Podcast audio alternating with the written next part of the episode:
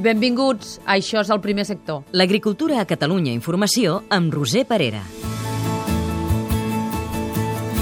I avui coneixerem un estudi que ha durat 10 anys i que ens permetrà saber més coses sobre els inicis de l'agricultura, fa 12.000 anys. S'ha analitzat un miler de restes, com ara llavors de cereals i fragments de fusta. Gràcies a això sabrem si la terra era fèrtil, com cultivaven i si regaven.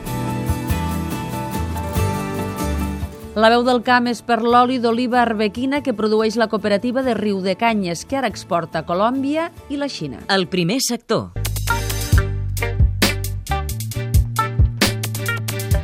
Un estudi de la Universitat de Lleida i la de Barcelona ha permès descriure l'evolució de l'agricultura en els seus 12.000 anys d'història. S'ha comprovat que els primers agricultors cultivaven en terrenys molt més fèrtils que ara i sense rec. També han constatat un creixement progressiu de les llavors.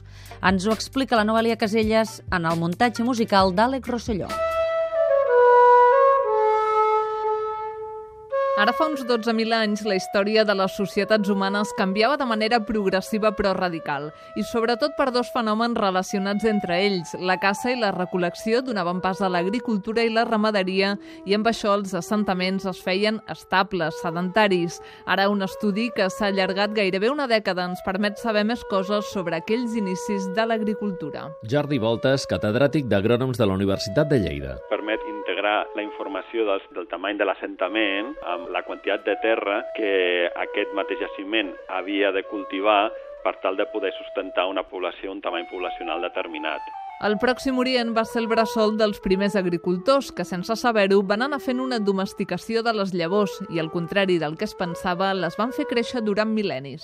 Els antics agricultors, de forma inconscient, doncs s'anaven quedant, anaven guardant per ressembrar aquelles llavors de pes més important o de tamany més important, amb la qual cosa doncs, s'anaven acumulant guanys genètics que feien que els cultius cada cop produïssin més.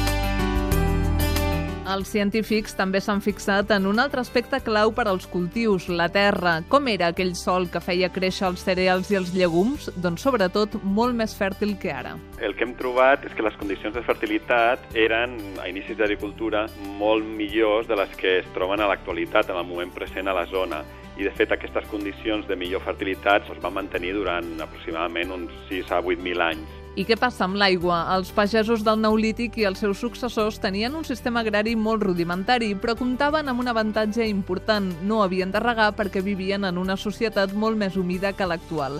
Es calcula que el moment àlgid d'humitat va ser ara fa 9.000 anys. Els antics cultius, bàsicament cereals, però també llegums, es duien a terme eh, segurament en condicions eh, de secar. Eh, això no vol dir que les condicions eh, per efectuar els aquests cultius no fossin idònees, sinó segurament les condicions climàtiques van ser òptimes, però no s'han obtingut evidències clares d'irrigació eh, com a tècnica habitual de cultiu.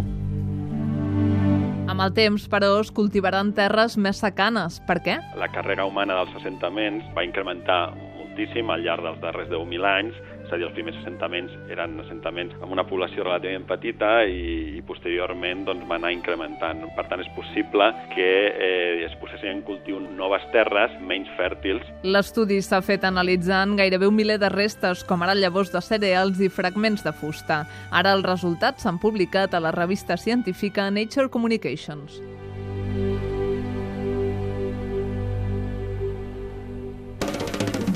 El primer sector. La veu del camp. Soy Gonzalo Cambra Steinfeld, director eh, comercial y marketing de la cooperativa de Rudecañas desde hace tres años y medio. El objetivo principal del plan llevado a cabo en este tiempo es el de posicionar el aceite de oliva virgen extra Scornal Bow en todos los mercados. Este año, por ejemplo, hemos comenzado a exportar a Colombia, que se suma a los más de 10 países que exportamos actualmente, entre ellos China. Si bien hace dos años que exportamos a China con muy buenos resultados, actualmente hemos firmado un acuerdo de representación exclusivo con una de las más importantes distribuidoras gourmet en Shanghai. Esta empresa, que valora la excelente calidad de nuestro eh, aceite de oliva virgen extra, 100% arbequina con más de 20 premios, apuesta también por la marca Xavier Perissé, que es el reconocido chef de dos estrellas Michelin, al cual también nosotros envasamos su eh, producto. Este año hemos enviado, por ejemplo, un container de 20 pies y solamente vendemos nuestro producto envasado en cristal y lata.